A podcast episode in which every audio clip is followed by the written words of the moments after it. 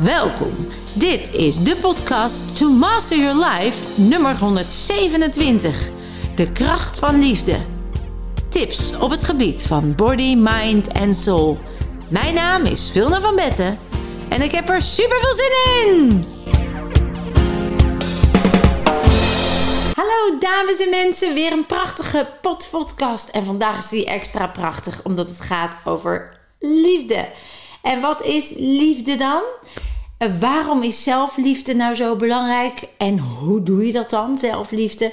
Ehm, wat gebeurt er energetisch als liefde uh, trilt? Wat heeft dat voor effect op jou en op de wereld? En hoe komt het dat liefde al eeuwen oud, universeel is en zo'n sterke krachtbron is? Dus ik zou zeggen, ga liefdevol luisteren en of kijken en haal er je voordeel uit.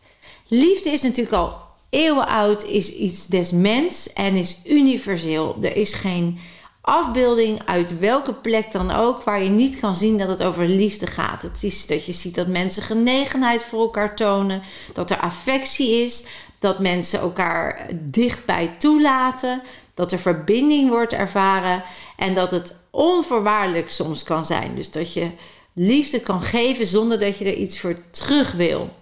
Dus je zou kunnen zeggen dat liefde verbindt. En als we dan kijken naar die eeuwenoude uh, tradities, dan zie je al in de Romeinse tijd of hè, 480 voor Christus zie je al afbeeldingen op die oude fase, waarin je mensen elkaar lief ziet hebben. Je ziet eigenlijk al uh, in, alles, in alle geschriften die je terugkijkt van welke religieuze afkomst ook, of vanuit welke stroming dan ook, dat liefde altijd wint. Ik neem ook even de liefdestrijders, mensen die gaan voor verbinding, voor vrijheid, voor gelijkheid, voor liefde. Dat zijn ook mensen die niet kiezen voor vechten, die niet kiezen voor oorlog, maar die geloven dus kennelijk ook dat liefde altijd wint. neem een Mahatma Gandhi of een Martin Luther King, die ondanks al het geweld wat ze is aangedaan, toch besloten in liefde te blijven en niet in, die, uh, in dat gevecht te stappen, niet met geweld terug te vechten. Nou, er zijn een aantal hele prachtige, mooie wijsheden over ontstaan, maar ik kan hem ook energetisch toelichten. En dat is echt leuk als je dat gaat realiseren. Um, de, de, er zijn een aantal dingen die, die belangrijk zijn om te weten.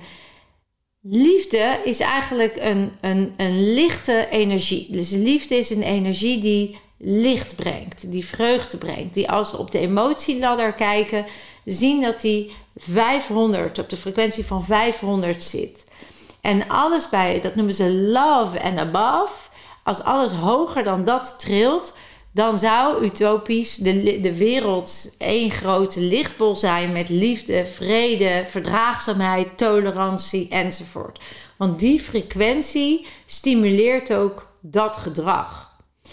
En waarom is die nou zoveel sterker? Omdat hoe hoger op de ladder, hoe sterker de beïnvloeding van de omgeving. Andersom werkt helaas ook. Hè? Alles is yin yang. Dus hoe lager op de ladder, hoe heftiger die donkere energie is. En ook dat kan de uh, omgeving heel sterk beïnvloeden. Nu is het zo dat als je kijkt naar laag, en dan zijn dat vaak ook donkere energieën, dat donker, uh, als je een donkere ruimte voor je ziet, dat als er een, oh is het maar een kiertje in een deurtje zit en er komt een beetje licht doorheen, dat licht eigenlijk altijd wint van donker. Hè? Dan kun je toch zien in de ruimte. Dan heb je toch weer overzicht. Al is het maar minimaal. Er is weer zicht, er is weer overzicht, er is weer ruimte. Terwijl als je in een hele lichte ruimte een klein beetje donker toelaat, ja, dan zie je eigenlijk niet zoveel verandering.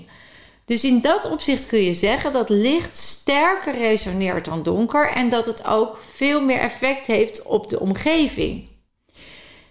Nou, wat is dan liefde en, en, en hoe werkt dat dan anatomisch en in je lichaam en, en, in, en naar buiten toe? Nou, liefde is eigenlijk natuurlijk gewoon een chemische reactie in je systeem. Anatomisch kun je zien dat er bepaalde stoffen vrijkomen die eh, als je verliefd bent ook zorgen dat je helemaal in een soort, ze zeggen wel eens, psychotische toestand geraakt. Waardoor je ook door die bril kijkt en ook niet meer het donker kan zien. Dan is het allemaal zo licht en zo mooi en zo fijn. Dan loop je bij huppelend door het huis. En dan zeg je tegen je partner: Nee, natuurlijk, schatje, vind ik het niet erg dat jij je sokken laat slingeren. Of dat jij de vuilnis nog niet hebt buiten gezet. Dat doe ik toch even voor je. Joehoe. dan ben je helemaal in extase. En dan is alles mooi en alles vrij en alles roze en alles fijn en lekker.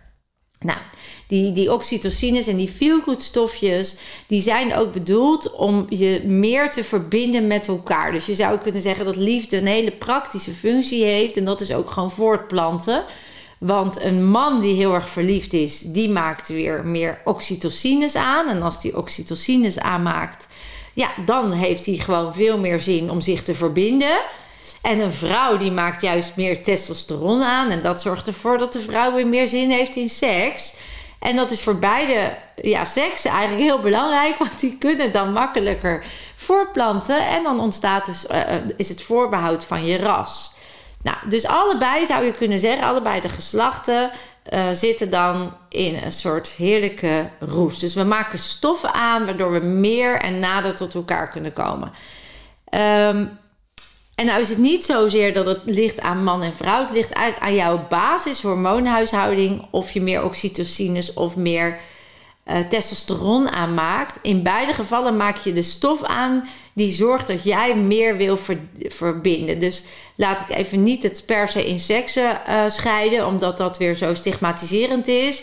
Maar laten we even zeggen dat je als mens uh, datgene waar jij dan op dat moment het minst van hebt, maar wat nodig is om te verbinden, dat je dat aanmaakt. Over het algemeen is dat dus bij de vrouw testosteron en bij de man oxytocines, afhankelijk dus van de basis die je al hebt.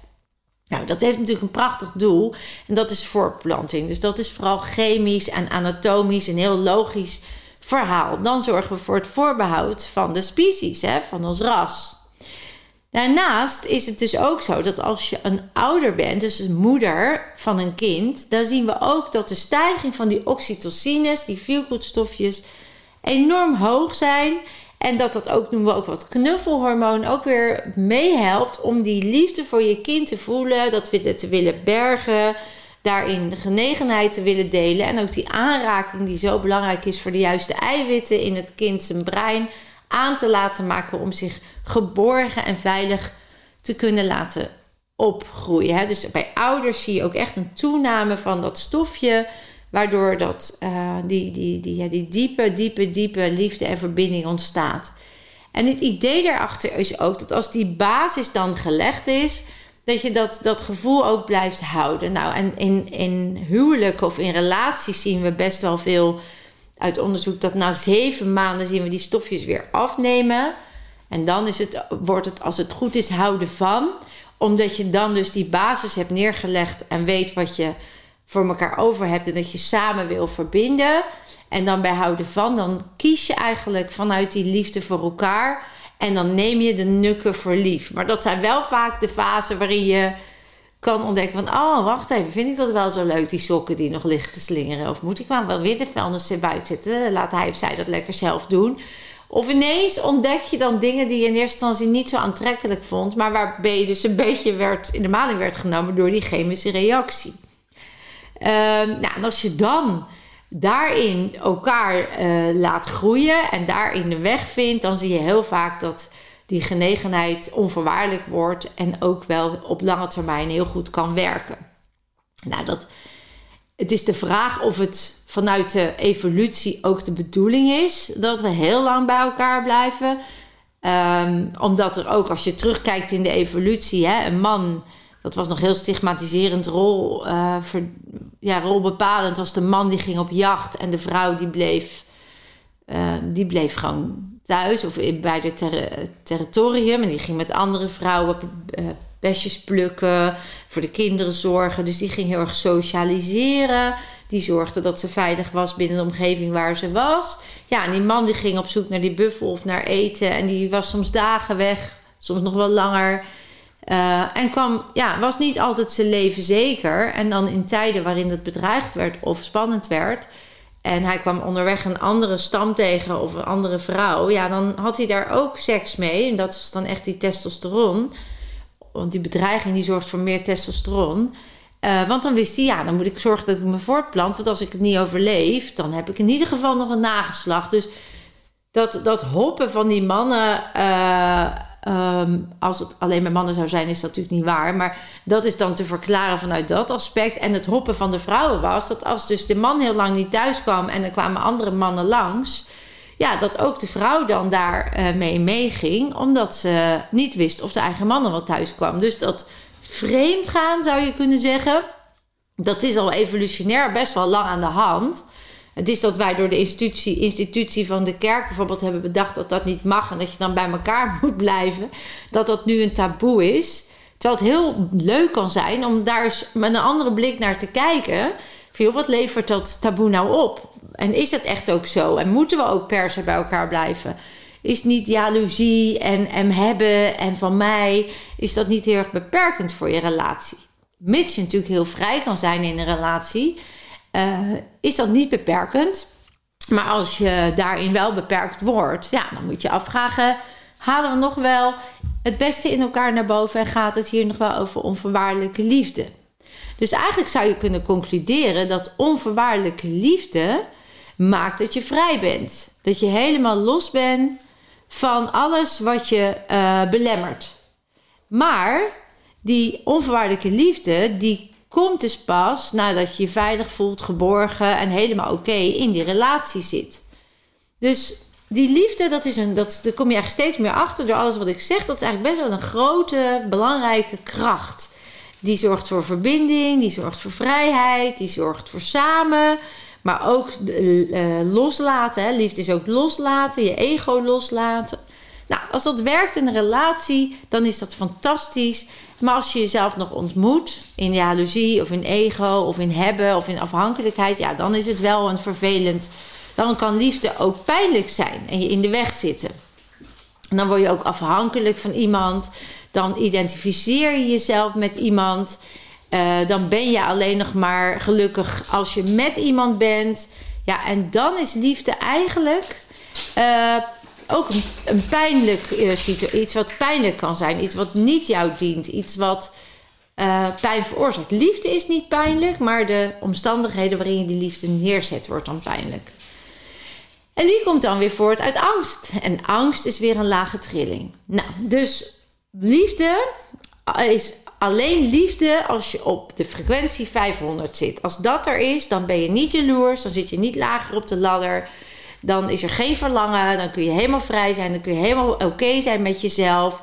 Heb je geen afhankelijkheid, moet je niet per se uh, verbinden met iemand omdat het moet, maar omdat je het voelt. Ja, dus dat is eigenlijk de ultieme liefdesrelatie. Nou, komen we terug bij hoe kun je dan die 500, die love and above, uh, ervaren. Nou, natuurlijk zal je als je net verliefd bent, echt even helemaal boven in die ladder zitten. Wat ik al zei, dat is die chemische reactie. Maar als daar nog patronen onder liggen vanuit angst of vanuit jaloezie of van negatieve ervaringen in de liefde daarvoor, dan zul je misschien gaan ontdekken dat je na die zeven maanden, even gechargeerd, weer terugvalt in die patronen. En die patronen, die ervaringen die je hebt meegemaakt, die freezes, die vastzitten in jouw systeem, die zorgen weer dat je onder die 500 in de frequentie komt en dus weer lager op die ladder zit en dus weer in het donkerder terechtkomt uh, met ook wat, wat donkerder gedrag, hè? jaloezie of, of haat of afwijzing of noem het maar, of gekwetst voelen. Ja, en dan daar komt eigenlijk dan de hoofdmoot naar boven. Wat is dan de oorzaak waardoor jij niet op die 500 kan zitten? Dat is een gebrek aan zelfliefde. En dat is dus eigenlijk 9 van de 10 keer waarom relaties niet werken of fout gaan of op de klippen lopen. Is toch een, een groot ego wat ter bescherming is van het kwetsbaar zijn met jezelf. Helemaal vrij zijn met jezelf. Helemaal in verbinding zijn met jezelf. En het klinkt natuurlijk als een cliché, maar je kunt je pas verbinden met een ander als je kan verbinden met jezelf.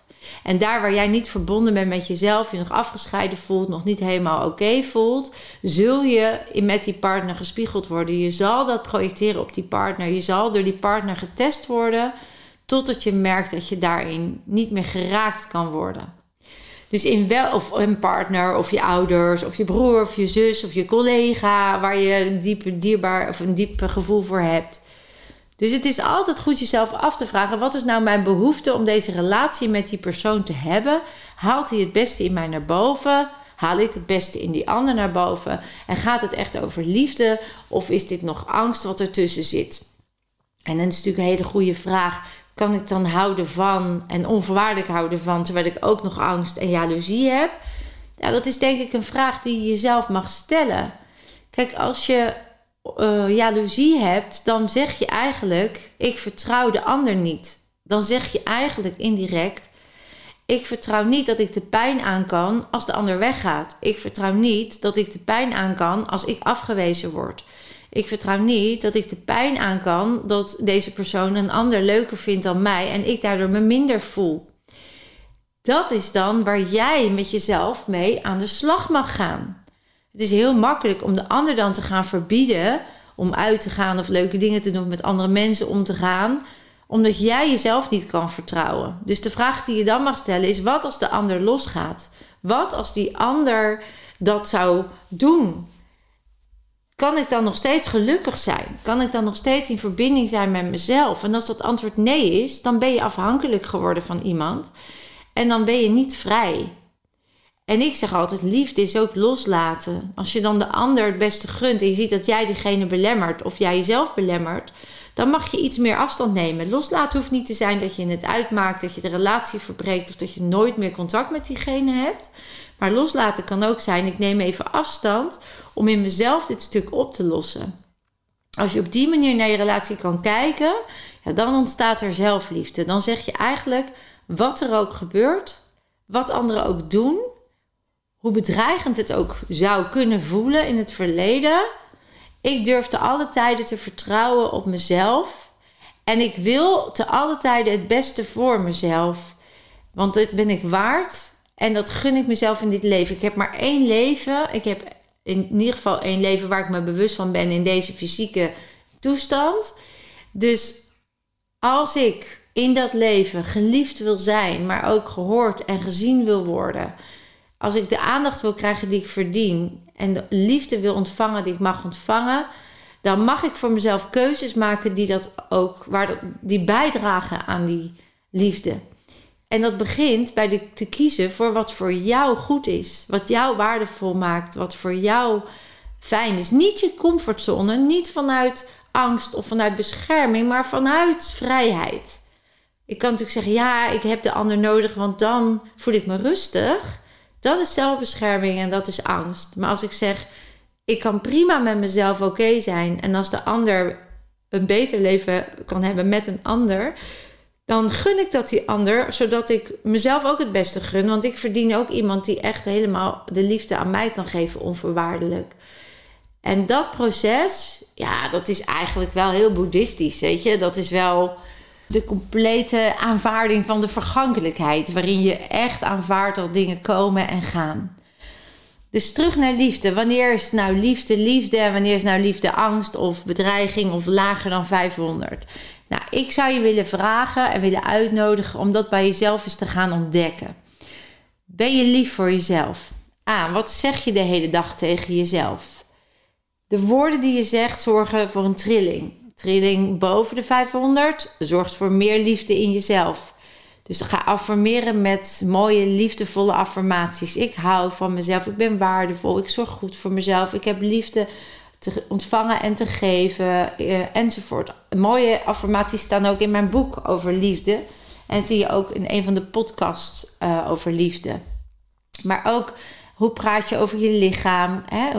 ook het fysieke, hoe ben je liefdevol, ben je daarvoor. Het tweede is hoe onvoorwaardelijk kun jij liefde geven? Hoe vrij ben je? Hoe snel ben je gekwetst? Ga eens heel veel geven en ga eens kijken wat het met jou doet. En wees lief. Lief voor jezelf en de ander. Lief voor jezelf betekent neem eens wat vaker rust. Kies eens een keer echt voor jezelf. Zet een kruis in je agenda. Zeg het is me-time. En in de me-time ga je of helemaal niks doen. Of je gaat lekker even een boek lezen. Of iets wat je prettig vindt. Of naar de sauna. Of even lekker wandelen. Sluit jezelf even af en zeg: Jongens, dit is echt even nu mijn tijd. Ik ben er even niet voor een ander. En ik weet dat dat echt uitdagend kan zijn. Je haalt er op de lange termijn voordeel uit. Dus korte termijn pijn is lange termijn fijn, hè, dames en mensen. Onthoud dat. Nou, lief voor de ander geeft ook heel veel liefde terug. Dus geef eens complimenten aan een ander. Uh, zet hem eens wat vaker op schoot, zeg ik altijd metaforisch. Hè? Soms ben je boos op iemand of voel je dat iemand je wat aandoet. Visualiseer die persoon eens in het licht. En zet die ook eens op schoot, zodat je hem knuffelt en hem ook in zijn of haar behoeften kan zien en horen. Want ook dat komt uit een behoefte. Dat je ook met een liefdevolle bril op naar situaties kijkt, naar mensen kijkt. En dat geeft ook weer liefde in jou. Dat ze opent je hart. En dat zorgt dat je hart warmer wordt en groter. En dat is fijn voor jou om je gezond en goed te voelen. Dus liefde in jezelf uh, vinden is ook je hart openen voor jezelf en de ander. Zachter worden. Zachter naar jezelf en de ander. Yoga is bijvoorbeeld een prachtige manier om liefde te ervaren. Yoga is ook een zachte yin-yoga bijvoorbeeld. Dat is een, een, zachte vorm van yoga waar niks hard of pijnlijk is. Dus dat zijn allemaal dingen die je nu de komende tijd eens kunt gaan doen. En als je dat gaat ervaren en hou die stok achter de deur, teken bijvoorbeeld met lippenstift een hartje op de spiegel, zodat je weet, oh ja, lief zijn, lief zijn voor mezelf, lief zijn over mijn lichaam, lief naar mezelf praten, lief en begripvol zijn naar mezelf en de ander.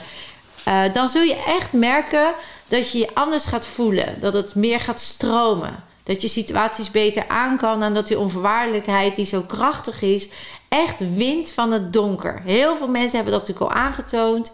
Boeddha heeft er een mooi verhaal over geschreven. Hè. Er wordt op een gegeven moment op hem gespuugd. Ik heb dat in de eerdere podcast al eens verteld. En dan zeggen al zijn leerlingen: hé, hey, dat mag je niet doen, dat is de meester, daar mag je nooit zo tegen doen. En dan zegt hij helemaal niks. En dan zegt hij alleen maar: zou u wat tegen mij willen zeggen? Iets anders. En die man die is dan helemaal in de war, die zo spuugt. Want die zegt van ja, uh, je moet nu terugvechten, je moet nu boos worden. En dat doet Boeddha niet. En dan is die man helemaal onthutst. En die, die, die, die, die, s'nachts ligt hij er wakker van. En dan komt hij de volgende dag terug. En dan zegt die Boeddha, wilt u me alsjeblieft vergeven? Want ik ben helemaal in de war. En, en dan zegt Boeddha, ja, maar ik kan jou helemaal niks vergeven. Want je bent al lang niet meer de man die je gisteren was. En je hebt niet op mij gespuugd. Maar slechts op een concept van ideeën wat jij in je hoofd hebt over mij. Dus het gaat niet over mij. Dus wil je over iets anders communiceren. Dus die blijft in liefde.